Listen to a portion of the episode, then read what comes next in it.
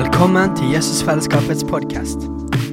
Vi håper budskapet i dag vil velsigne deg i din vandring med Gud. Og om du vil ha mer informasjon om menigheten, kan du gå inn på jesusfellesskapet.no.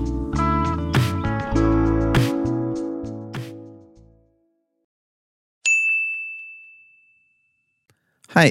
Visste du at Jesusfellesskapet starter en ny bibelskole til høsten? Den heter Jesusskolen og starter den 3. september. Gå inn på jesusskolen.no for mer informasjon. Ja, vi skal snakke videre ut ifra den seirende Kristus i dag. Og um, det ordet Danny hadde, det, det var veldig bra. eh, Fordi at det var helt riktig. Uh, og det er alltid oppmuntrende når, eh, når Gud har lyst til å si det samme gjennom flere på samme tid. Eh, For jeg har ikke sagt til Danny hva jeg skal snakke om, men Gud har tydeligvis sagt til Danny hva jeg skal snakke om. Eh, Og eh, fokuset i dag vil være kan oppsummeres i den ene setningen om at Jesus har autoritet over alle områder av vårt liv. Det kan det oppsummeres i. Det skal vi, det skal vi snakke om i dag. Det, det kan være at jeg er nødt til å bevege meg litt mer enn jeg pleier her oppe i dag. Det, jeg pleier jo å bevege meg en del uansett, men det kan være at jeg beveger meg litt ekstra i dag. Så vet dere eh, hvorfor. Fordi eh, det er Jeg vet ikke med dere, men altså, jeg, jeg liker å se på meg sjøl som en person som har en sånn solid eh, konsekvenstenkning. Som, har, eh, som klarer virkelig å gjøre fornuftige valg. Eh, og jeg ser på meg sjøl som en veldig sterk mann. Eh, men av og til så får jeg en liten eh, realitetsorientering. da. Eh, og det, det har jeg nå nylig fått. Og jeg har klart å pådra meg en prolaps i ryggen. Er, eh, Jesus kan helbrede det òg. Det kan være at han gjør det i dag. Eh, det, han, har ikke, han har ikke gjort det helt enda, men det kan være han gjør det i dag. Men eh, det er hjemme på, eh, hjemme på eh, terrassen min så har jeg en slags eh, balje, en liten stamp, eh, som jeg bare har vann oppi. Og så På morgenen så hopper jeg oppi den da, eh, og får meg en kald eh, duk dukkert. og Det er en helt fantastisk måte å våkne på. Det er sånn life hack til alle småbarnsforeldre. Så når du våkner opp og du føler deg mørbanka fordi du er så trøtt, så bare gjør du det, og så er du ikke trøtt lenger. Det funker hver eneste gang. Så jeg hopper oppi der, sitter der tre minutter, og så går jeg ut igjen. Og det er helt fantastisk, iallfall etterpå. Det er helt forferdelig før. Eh, Det er litt sånn blanda mens du holder på, så er det veldig fint etterpå. Eh, For da er jeg ikke trøtt lenger. Så det anbefaler jeg til alle småbarnsforeldre. For så vidt alle andre også. Hvis du er lei av å være trøtt, så kan du gjøre det på den måten. Men når det har vært så kaldt, så har det blitt ganske mye is. Eh, Så, liksom, så må jeg jo slå hull da, oppi den der for å klatre oppi. Og så har det lagt seg is langs kanten rundt. så er det En diameter på ca. 1 meter. Den her, og ca. 1 meter dypt. Så jeg må sette meg oppi. da. Så jeg liksom hakka hull i isen og satt meg oppi. Sånn at hodet liksom har stukket opp da, med isen som rundt hodet. Og så, så når jeg sitter oppi der, så, så tenker jeg at jeg lurer på hvor tung denne isblokken egentlig er. Så begynner jeg å prøve liksom, å løfte den opp. Og, og, så, og, så, og så vet jeg jo det at i vann så er alt mye lettere. Det, det skjønner jeg jo. Så tenker jeg liksom at det her går jo bra. Og så begynner jeg å prøve å løfte opp denne isblokka som ligger og hviler på skuldrene mine. Og så når det da kommer ganske høyt opp, så merker jeg at eh, vannet eh, tok litt mer av vekten enn jeg hadde tenkt. Eh, og, og jeg holdt på å tryne og bli med hele blokka ut av den balja og ut på trassen. Og da stramma jeg til ryggen for å ikke bli med hele greia ut. Og da var det et eller annet som ikke gikk helt som det skulle. Så eh, jeg har litt vondt i ryggen i dag. jeg skal innrømme det. Så Når vi skal ha forbønn etterpå, så er jeg en av dem som trenger forbønn. Men det er å stå helt opp i ro det er det vondeste. Så hvis jeg beveger meg litt, så går det her bra. Så vet du hvorfor jeg er nødt til å bevege meg litt i dag. Det er bare min egen feil. I dag kan du ta og slå opp i Bibelen din til Matteus kapittel 8. Hvis du har fysisk bibel i dag, så, så blir det enda enklere for deg. For vi skal hovedsakelig holde oss på fire sider. Matteus kapittel 8 og 9. fire, I min bibel så spenner omtrent hele talen i dag ut ifra fire sider rett etter hverandre. Så det blir veldig enkelt for deg å henge med hvis du har fysisk bibel i dag.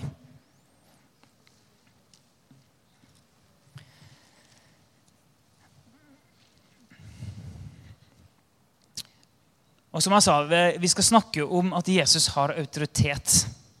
Han har autoritet på alle områder av livet vårt. I slutten av kapittel 7, det er jo da slutten av bergprekenen, det aller siste, de to siste versene her, så står det i kapittel 7, vers 28. Da Jesus hadde fullført denne talen, var folket slått av undring over hans lære, for han lærte dem med myndighet og ikke som deres skriftlærde. Så I kapittel 5, 6 og 7 så har vi at Jesus lærte med myndighet, eller at han lærte med autoritet. Han hadde en autoritet som de gjenkjente. I kapittel 8 og 9 så går vi over i en egentlig lang rekke med demonstrasjon av Jesus sin autoritet. Før i kapittel 10 så ser vi at Jesus gir videre sin autoritet og sender ut. I dag, og, og Her er det mange egne prekener, egentlig. Eh, så jeg skal forsøke å snakke om veldig mye av det her på én preken. litt sånn overordnet. Skal vi se hvordan det går. Det er hovedsakelig kapittel 8 og 9 vi skal holde på med i dag. Og skal rett bare gå igjennom mye av det her.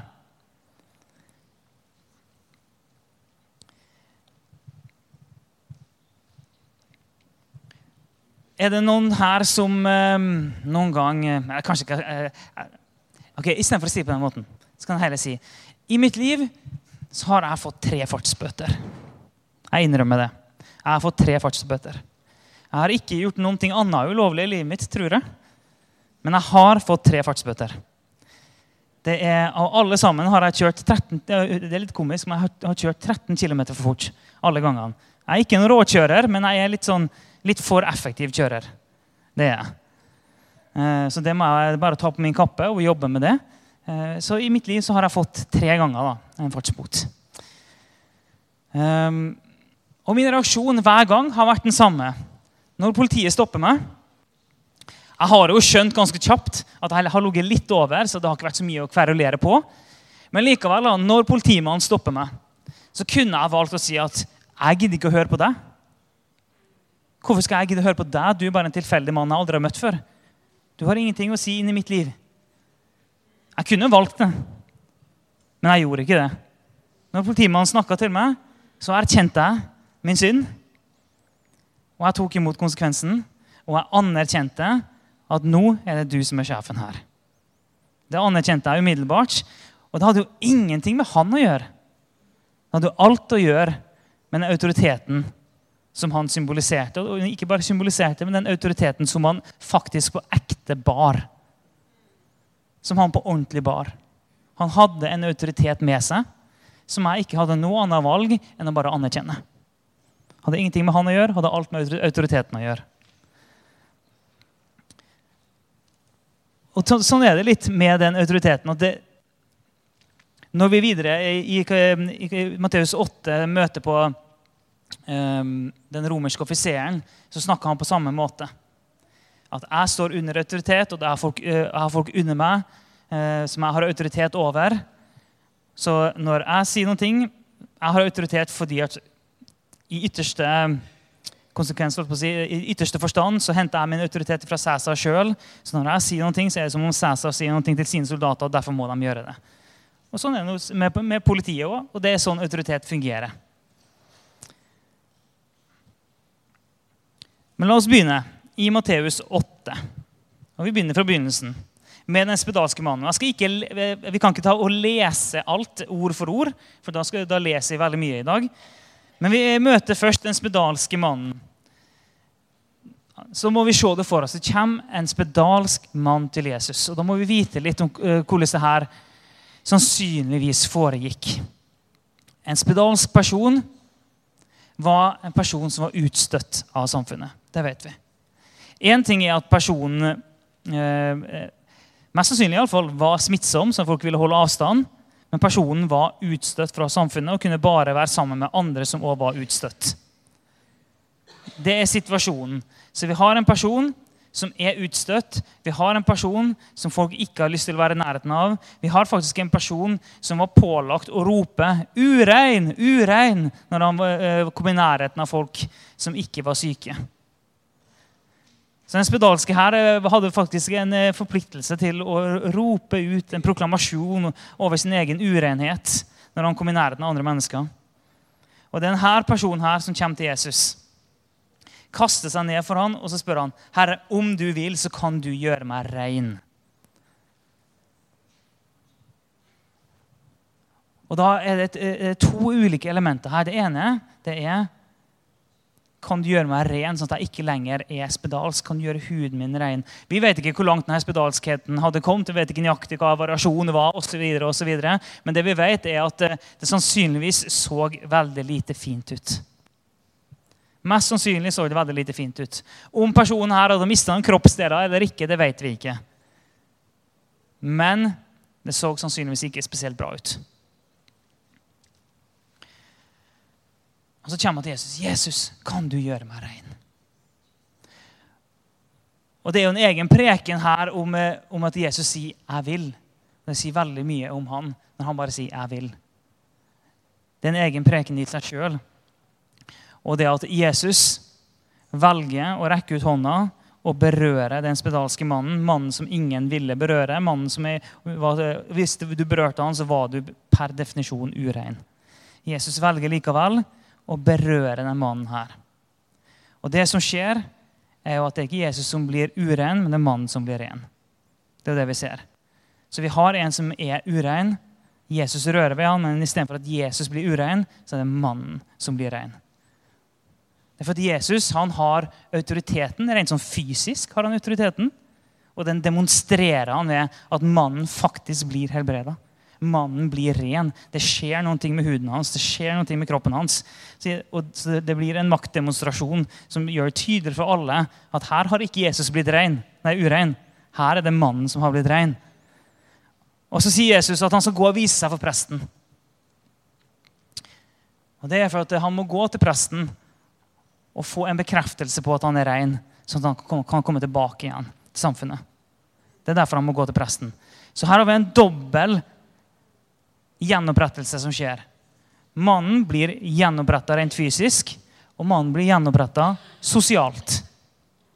Så Jesus gjør han ren fysisk, og Jesus gjør han ren sosialt. Sånn at han igjen kan komme inn. Han gikk ifra at ingen kunne berøre ham, men fordi at Jesus berørte ham, så kunne andre berøre ham. Og så Jesus går inn her og viser at han har autoritet til å helbrede. Han har autoritet til å gjenopprette et menneskes sosiale status. Og De fire versene her er en egen preken i seg sjøl. Jeg har prekt bare de fire versene eh, før. Eh, men det skal vi ikke, for vi, så det er litt mer fugleperspektiv i dag. Går vi videre, så kommer vi til offiseren i Kapernaum.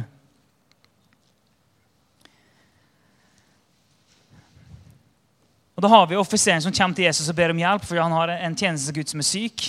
Og Så sier Jesus at ok, jeg skal komme og helbrede han. Det er, jo, det er jo litt gøy. det. Jesus er veldig trygg på eh, hva vei det her skal gå. Han sier at jeg skal komme og helbrede han. Det er ikke jeg skal komme og se hva han kan gjøre. Nei, det er jeg skal komme og helbrede han. Jesus er veldig klar over hva autoritet det er han har. Og så sier jo da offiseren nei, nei, jeg er ikke verdig til at du skal komme inn i mitt hus. hele biten her. Du trenger ikke å komme inn i mitt hus fordi at fordi du har autoritet, så er det nok at du bare sier det ut, så vil det skje, selv om det er på avstand. Og så sier han på samme måte som at Hvis jeg sier til en soldat gå dit og gjør det, så er jeg trygg på at det skjer, selv om jeg ikke følger etter. Og han som offiser vet at sånn er det. At Hvis jeg sier til en soldat gå dit og gjør det, så skjer det, selv om han ikke følger etter og sørger for at det skjer. Han forstår at ja, hvis Jesus har autoritet, så må det funke sånn der òg. Da er det nok da at Jesus sier det skjer. Og så skjer det noe i åndeverdenen. Og Her viser Jesus det at han har autoritet på avstand. Han har autoritet i den åndelige verden. Og at et ord fra Jesus er nok til at det skjer noe, selv om det er på et helt annet sted. Og Jesus' sin autoritet er ikke avhengig av den fysiske nærheten. For Jesus han har total autoritet autoritet. Til og med på avstand. Og så står det jo da at, at, at tjenestegutten ble frisk i samme stund. Jeg, det, med det bildet jeg brukte med politimannen og, og, og, Dette bildet er jo akkurat det samme her. Når en står under autoriteten, har folk under seg under autoritet, så flyter autoriteten igjennom. Den flyter fra øverste hold hele veien ut.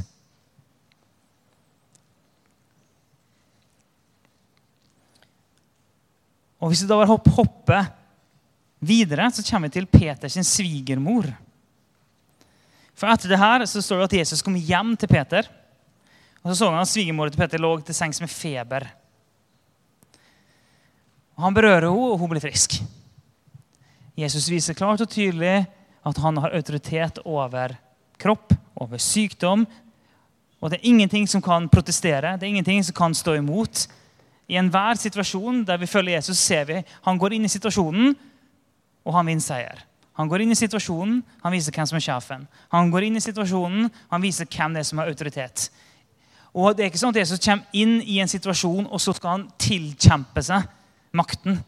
Det er ikke sånn det fungerer. Jesus går inn i en situasjon og bare viser her er jeg sjefen. På samme måte som at hvis det er noen som eh, Bare for å bruke politimannen-eksempelet igjen. Da. Hvis det er noen som eh, eh, har en fest hjemme, og det blir litt vel mye bråk, og så ringer naboen til politiet, og så kommer politiet på døra. Og da er det sånn, eh, Selv om da den politimannen går inn i huset til noen andre, så vet alle i det huset at eh, det er ikke eieren i det huset der som er sjefen nå. Nå har det kommet noen andre som faktisk er sjefen.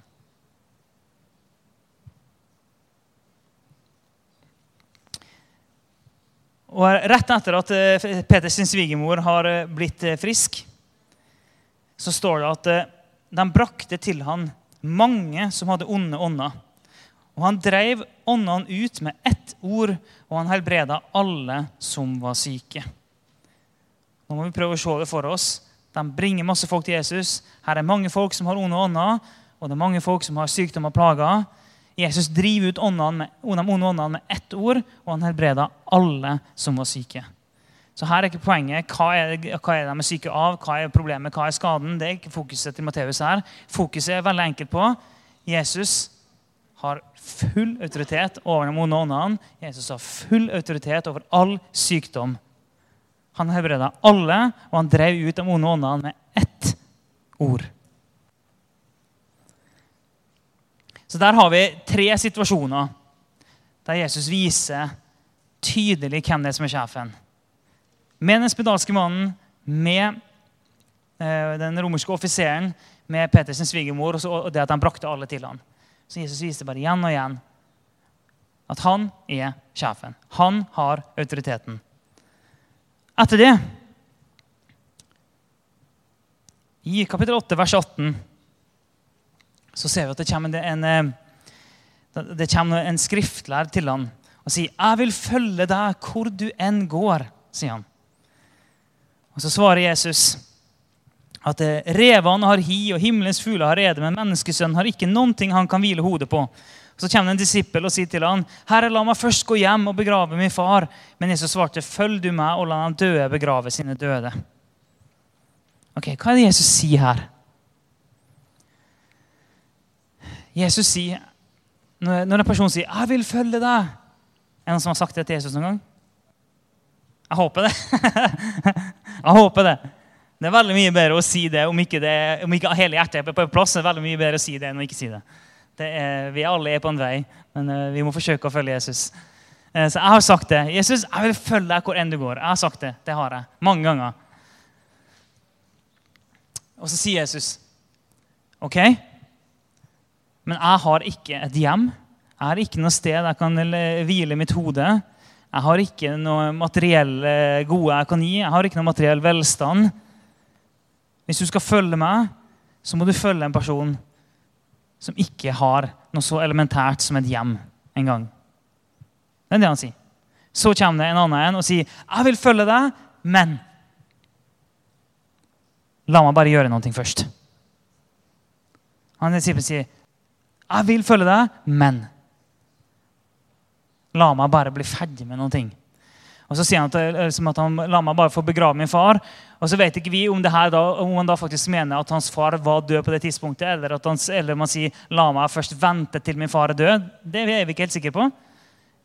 Det vi vet fra den jødiske kulturen, er at det å begrave sin far det hadde en, det var, det hadde en høy, høy prioritet, for å si det sånn.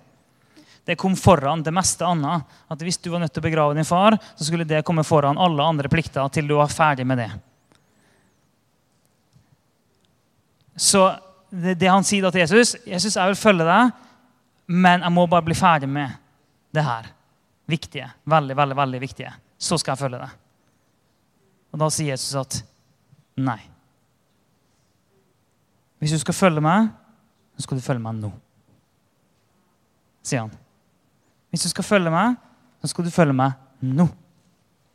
Da skal du faktisk ikke vente, selv om det er viktig, det som du snakker om. Hvis du vil følge meg, så må du følge meg nå. Senere, når vi kommer til at Jesus kaller Matteus, så ser du en, en litt annen reaksjon på det kallet. Så folk har ulike respons når de møter Jesus, møter Jesus sin autoritet. Det finnes en lyst til å følge han, men det er likevel en ulik respons på kallet til å følge han.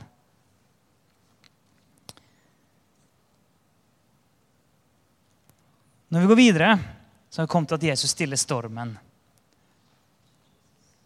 Og Vi alle sammen, som, vi som har vokst opp i menighet, vi har hørt den historien veldig mange ganger. Vi har sett eh, mange ulike bilder av hvordan det her så ut.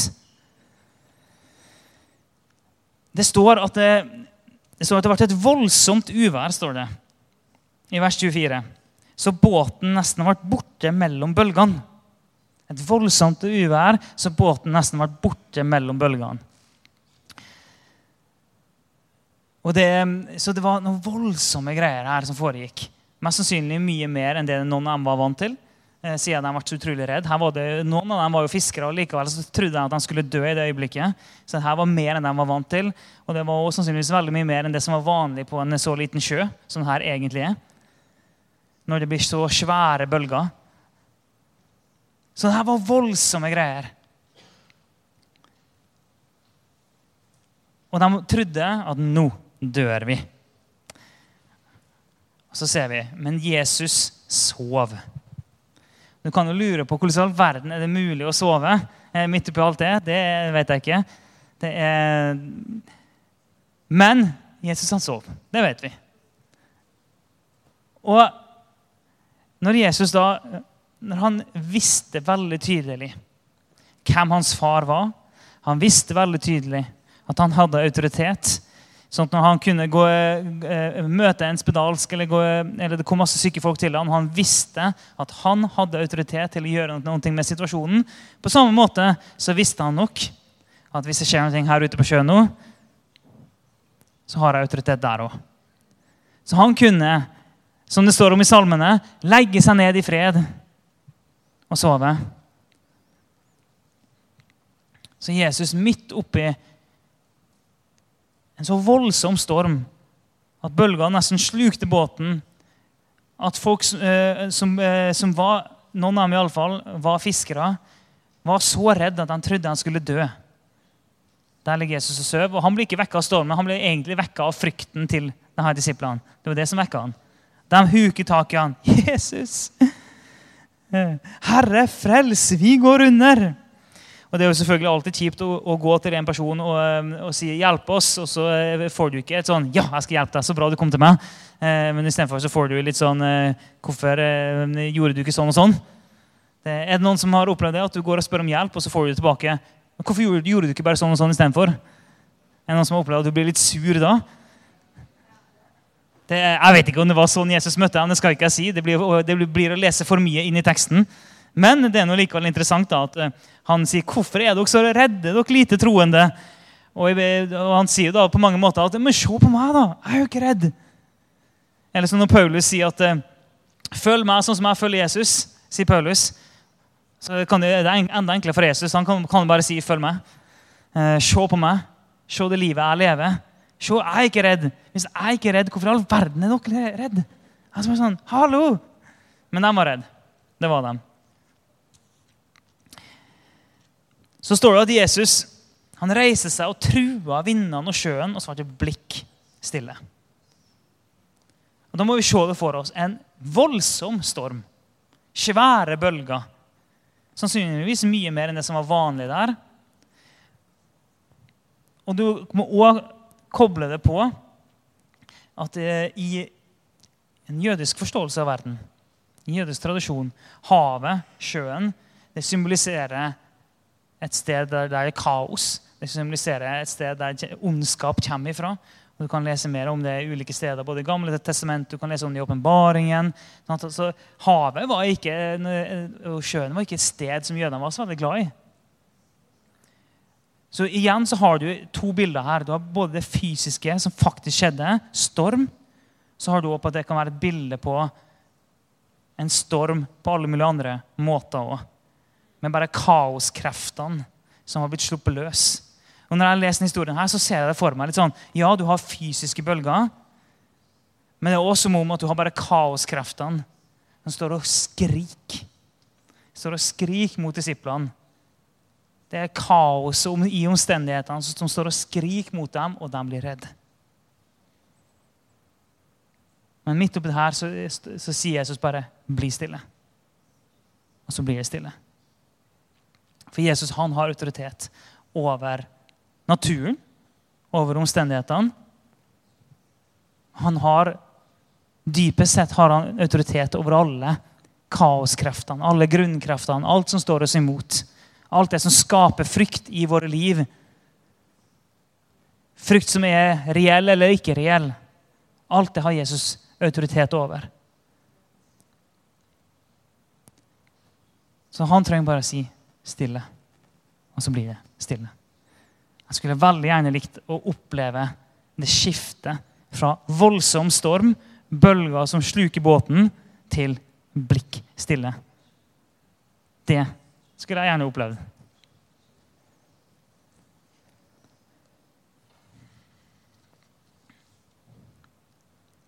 Så går de da fra det og over til andre, andre sida, der de møter to menn.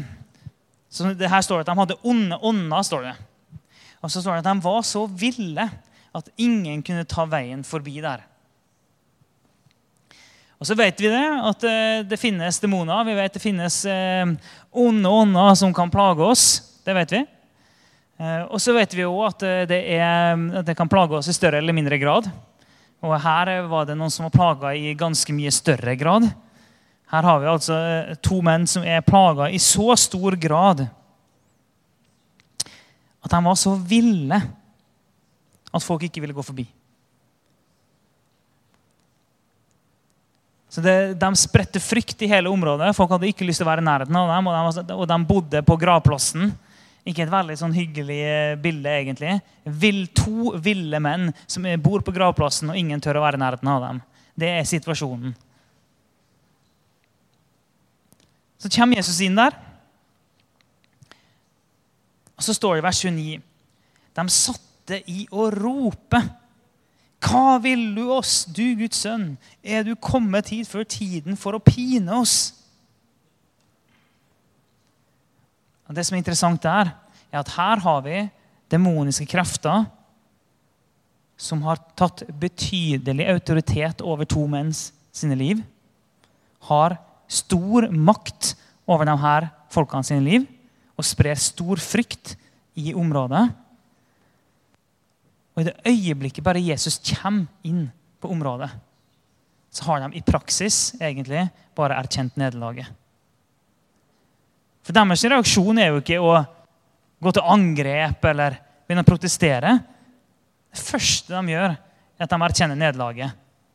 Har du kommet hit før tida for å pine oss? Det er den umiddelbare responsen hos de onde åndene som har sånn makt over mennesker. I det øyeblikket Jesus bare er nær. Så Jesu nærvær alene uten at han har rukket å gjort noen ting, er nok til at de demonske kreftene bare sånn, må veive med hvitt flagg. Og så begynner de å be om ja, send oss heller inn i grisene enn, enn å liksom kaste oss ut. Sånn, det var ikke meninga du skulle komme allerede nå. Altså bare sånn, Vær så snill, det var ikke nå du skulle komme. Og Vi må liksom prøve å se for oss det vi leser. da. Sånn at Vi har noen mennesker som er totalt bunden. Hvis vi hadde møtt de her mennene, kan godt være at vi hadde syntes det hadde vært veldig skummelt og ubehagelig. Men i det sekundet de ser Jesus, så har de gitt opp. Men de vet de har ikke sjans. Slaget er allerede tapt. Og så blir de sendt ut og går inn i grisene. og Det er en egen, det, det er en egen sak å prøve å forklare det på et fornuftig vis. Eh, alt det der. Eh, så det skal vi ikke gå veldig langt inn i akkurat nå.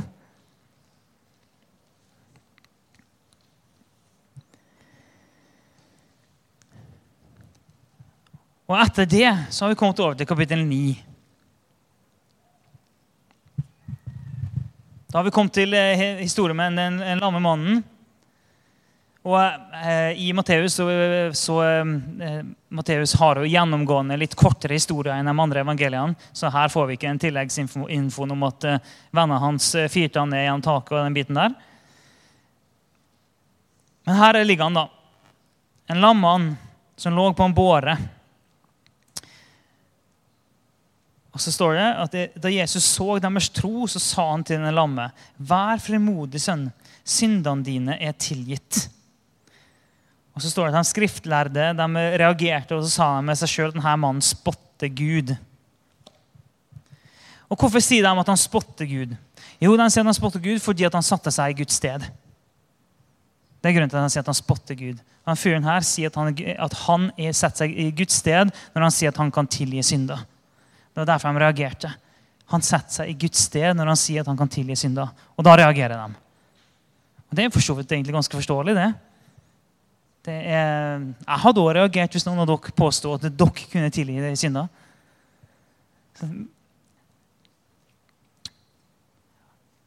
Og Vi har allerede sett at Jesus han har helbreda mennesker. Mange mennesker. Vi vet ikke hvor mange, vi vet bare at det er mange. Vi har enkelthistorier, og vi har historier om at han helbreda alle som kom til ham. Så Vi vet ikke hvor mange han har helbreda, men vi vet det er mange, og vi vet det var alle. Det vet vi. Så kommer vi til historien her ok, en lammann. Da kunne Jesus bare ha, ha helbreda han òg. Men istedenfor sier Jesus syndene dine er deg tilgitt. Jesus har allerede vist at han har autoritet over kropp. Han har vist at han har autoritet til å gjenopprette noen sosialt. Han har vist at han har autoritet over naturen, omstendighetene, kaoskreftene. Han har vist at han har autoritet over demoner, både enkeltdemoner og demoniske, store demoniske krefter. Han har vist at han har autoritet over alle disse tingene her. Og nå så viser han at han til og med har autoritet over synd. Han har autoritet til å tilgi. Og Det var noe bare Gud kunne gjøre. Men Her viser Jesus at til og med der har han autoritet.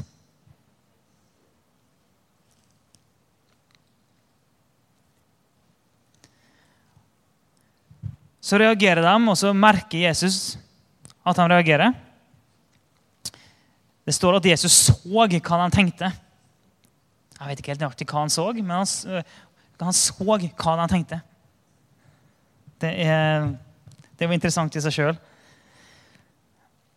Så spør han ham sånn, hva er lettest å si. Syndene er tilgitt, eller stå opp og gå? Og så sier han, Men for at dere skal vite at menneskesønnen har makt på jorda til å tilgi syndene, og nå vender han seg til en lamme, så sier han, stå opp, ta båren din og gå hjem. Og mannen reiste seg og gikk hjem. Så Jesus viser fortsatt at han har autoritet over kroppen, over det fysiske, over sykdom, over skade. Men det første han sa der, det var dine synder er deg tilgitt. Og det er bare enda et element i denne kapitlene her, hvor vi, hvor vi, får bare Jesus sin autoritet. Jesus sin autoritet, Jesus sin autoritet. Det bare hamres inn fra ulike vinkler på ulike tema igjen og igjen og igjen. Så, og, og, Det er som at bare Matteus roper til oss. Jesus har autoritet over alle områder i livet. Uansett hva du møter, så har Jesus vunnet seier.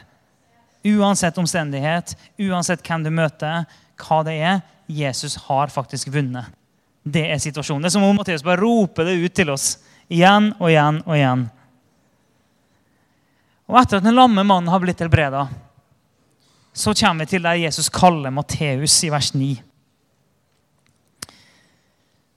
Det står bare at Derfra gikk Jesus videre og fikk se en mann som satt på tollboden. Han heter Matteus. Og så Jesus sa til ham, 'Følg meg.' Og han reiste seg og fulgte ham. Og når vi leser det, så må vi jo huske det vi las litt tidligere, i 8.18, der den skriftlærde sier 'Jeg vil følge deg hvor enn du går'. Det kan godt være han gjorde det, det står ingenting om det, hvordan han responderte på det Jesus sa. Men Jesus sa iallfall ok, du kan følge meg, men du får ingen materielle gevinster av det. Eh, og så kommer en annen en og sier at jeg vil følge deg, men jeg må bare bli ferdig med det veldig viktig først. Og så kommer vi til Matteus, en toller. Og vi vet at eh, det står i Bibelen tollere og syndere. Det er slått sammen. Tollere og syndere. Det er ikke særlig, eh, særlig Du var ikke særlig godt selskap som toller. Eh, og du hadde sannsynligvis i alle fall et visst nivå av velstand som toller. Vi vet naturligvis ikke noen detaljer om hans situasjon, men vi kan gjette oss til at han sannsynligvis hadde en ganske grei eh, velstand. Og vi trenger egentlig ikke, ikke å gjette oss til, for det vet vi, at han ikke var sett veldig blidt på. Han var satt sammen med syndere. Syndere og tollere. Det var situasjonen. Så når du har han, da, når han får det kallet 'følg meg', så har han en umiddelbar respons akkurat det Jesus søkte med han fyren som sa 'la meg bare begrave min far først', sa Jesus 'følg meg nå'. Og Matteus han følger Jesus nå.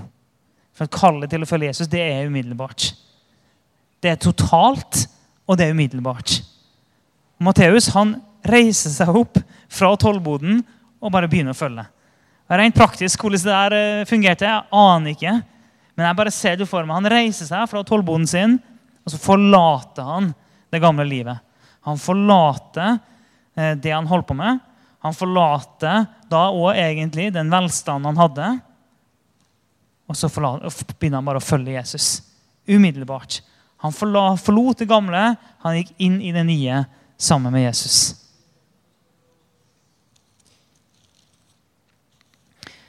Og Det er den riktige responsen når den totale autoriteten og den høyeste autoriteten kommer og sier 'følg meg', ja, da gjør du det.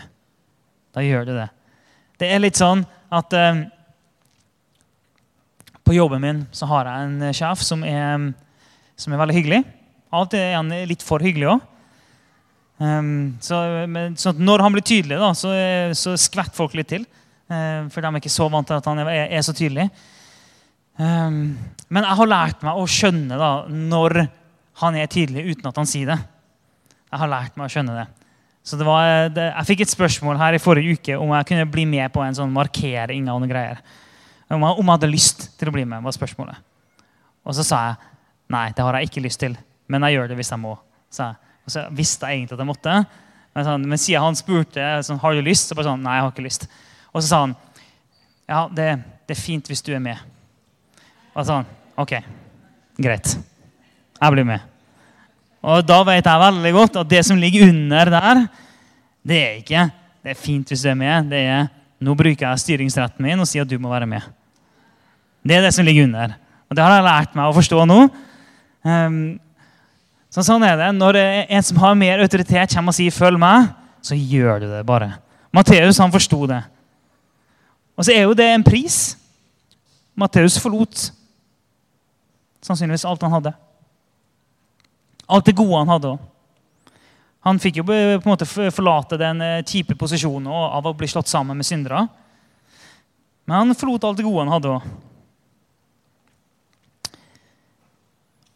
Og Hvis vi hopper litt videre, så har vi kommet til eh, vers 18. Da har vi kommet til Jairus sin datter og kvinnen som rørte ved Jesus sin kappe.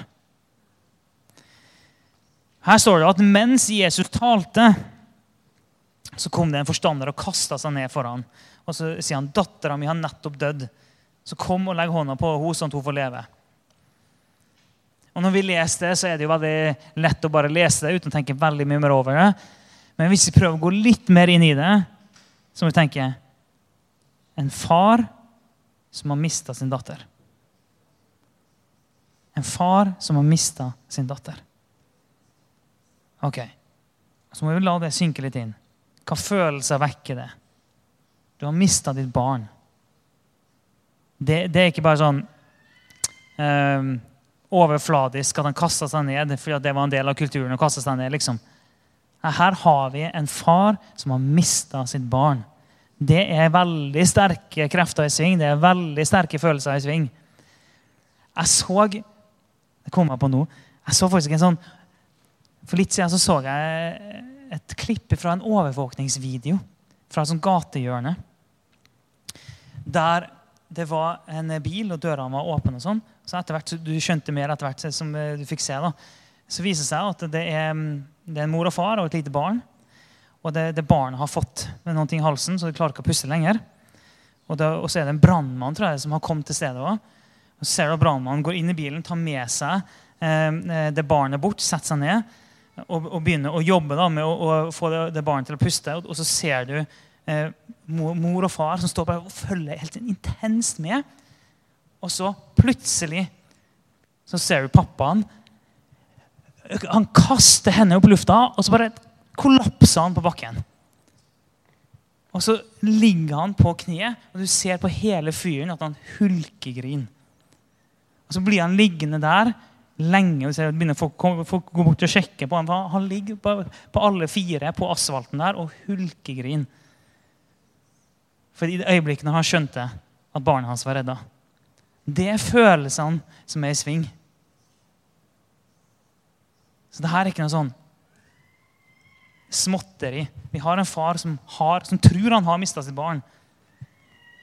Så mest sannsynlig så bare braste han inn, for det står her mens han talte til dem. Han venta ikke på tur, vil vi anta. i alle fall. Han kasta seg ned for Jesus og så sier han, 'Dattera mi er død. Kom!' Og Så står det at Jesus reiste seg og fulgte med han. Så Jesus responderte på den desperate pappaen. Og da når Jesus er på vei der, så kommer denne kvinnen med blødninger plutselig så midt inne i historien. Så kommer hun. Og hun har da tydeligvis tenkt med seg sjøl. For hun står her at hun sa til seg sjøl hvis jeg bare får røre ved kappen hans, så blir jeg frisk. Så da har hun sannsynligvis fått med seg at rundt denne Jesus så skjer det masse greier. Eh, og han er tydeligvis en mulighet for meg. Vi aner ikke noe mer om hva hun tenker, men det, det, hun har tydeligvis fått med seg såpass og om hun tenker at han er bare en profet eller om han er Guds sønn, sånn, det vet vi ingenting om. Men, det vi vet, er at hun har skjønt at den fyren her han har autoritet. Såpass har hun skjønt. Så hun gjenkjenner at fyren her han har kraft. Her er det noen mektige greier som foregår. Så hvis han bare får lov til å ta på kappa, så vil noen ting skje. Og så gjør hun det.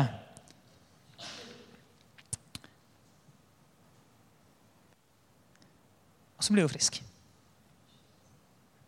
Andre steder står det at Jesus kjente at det gikk en kraft ut av han når hun gjorde det. Hun her også, her har vi nok et eksempel med en person som eh, er urein. En kvinne som har gått med blødninger i tolv år, var urein.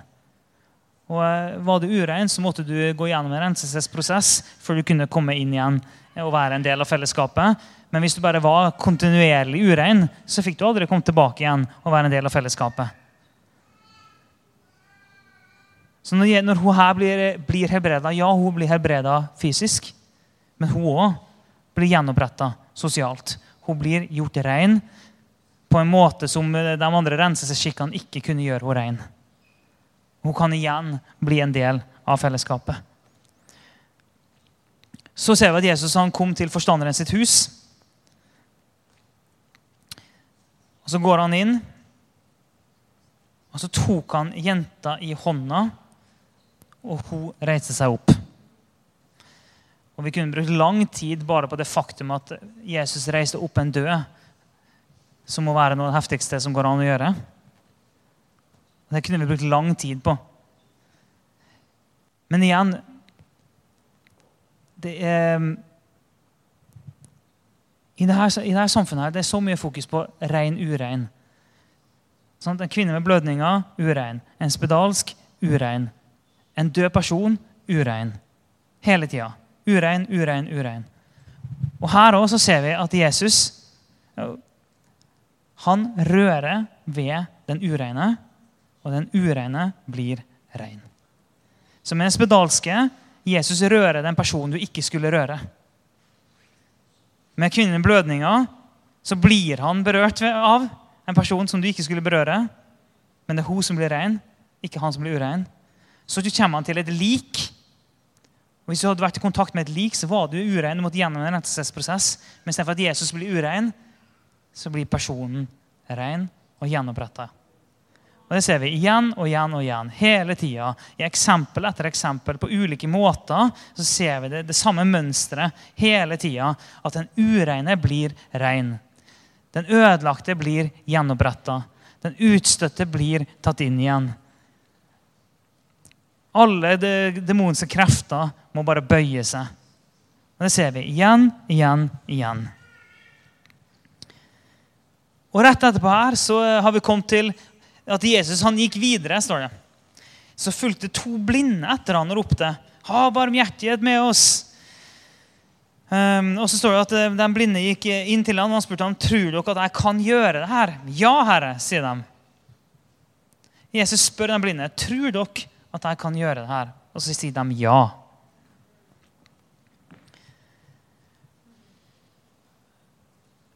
Og En ting som er verdt å tenke på, det er jo det at vi har, det har i visse, visse sammenhenger, visse kristne sammenhenger, så har det vært eh, en, eh, en tanke om at eh, du blir helbreda hvis din tro er sterk nok. Eller for å snu, snu om på det, hvis du ikke blir hebreda, så er det fordi din tro ikke er sterk nok. Og så vet vi i kristenlivet at tro har noe å si. Det vet vi. Men det har ikke først og fremst noe, noe å si basert på styrken i din tro. Det har først og fremst noe å si basert på styrken i Han du tror på. Det er det som er poenget. Så Det er ikke, det er ikke din sterke tro. Det er styrken til Han du tror på. På samme måte når Jesus snakker om sennepsfrøet. Han snakker om den lille, lille greia.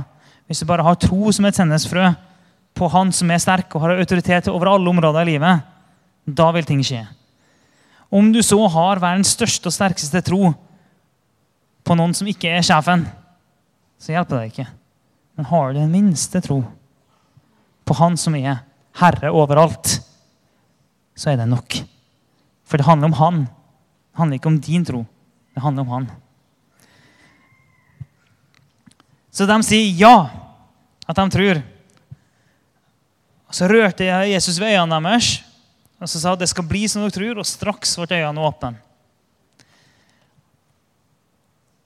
Og Går vi rett videre, så står det mens de var på vei ut, så kom det til ham en mann som var stum og hadde en ond ånd. Og igjen så står det bare da den onde ånden var drevet ut, kunne den stumme tale.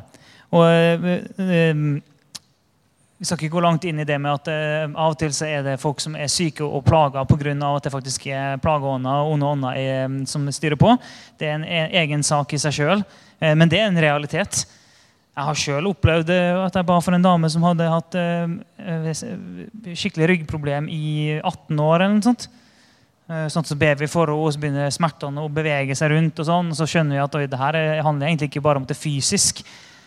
Og så finner vi ut litt mer, så finner vi ut at hun bar, bar på bitterhet. Og så, eh, og så heldigvis har jeg lært at, det, at eh, sånn at jeg kan selvfølgelig prøve å, å, å, å, bare tale ut og kaste ut eh, demoner. Det kan funke, men av og til hvis det er noe de får lov til å holde tak i, så er det best å få løsna på det først. Så fikk hun tilgitt. Og når hun hadde tilgitt, eh, det, så gikk hun bare på den bitterheten lenge, så plutselig var ryggsmertene borte. Eh, og jeg møtte henne lenge etterpå, og ryggsmertene var fortsatt borte. Så sånne ting vet vi er en realitet. Men det er en egen, en egen, sak.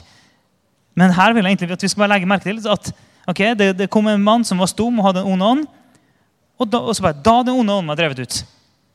Vi, vi, vet ikke engang nøyaktig hvordan Jesus gjorde det. Vi vet bare at det skjedde. Nærmest som en sånn selvfølge. Han kom til Jesus, og noen var drevet ut. Og Konsekvensen av det var at personen ikke lenger var stum. Men som bare det å komme i møte med Jesus, så ble noen, noen drevet ut. Ok, så her var sånn eh, rask gjennomgang av kapittel 8 kapittel 9 hovedsakelig.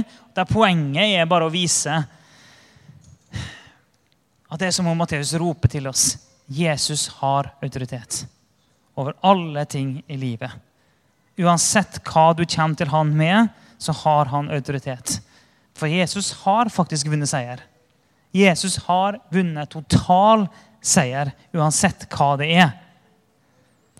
På slutten av kapittel 9 så har vi den kjente, eh, kjente versene der Jesus sier at eh, høsten er stor, men arbeiderne er få.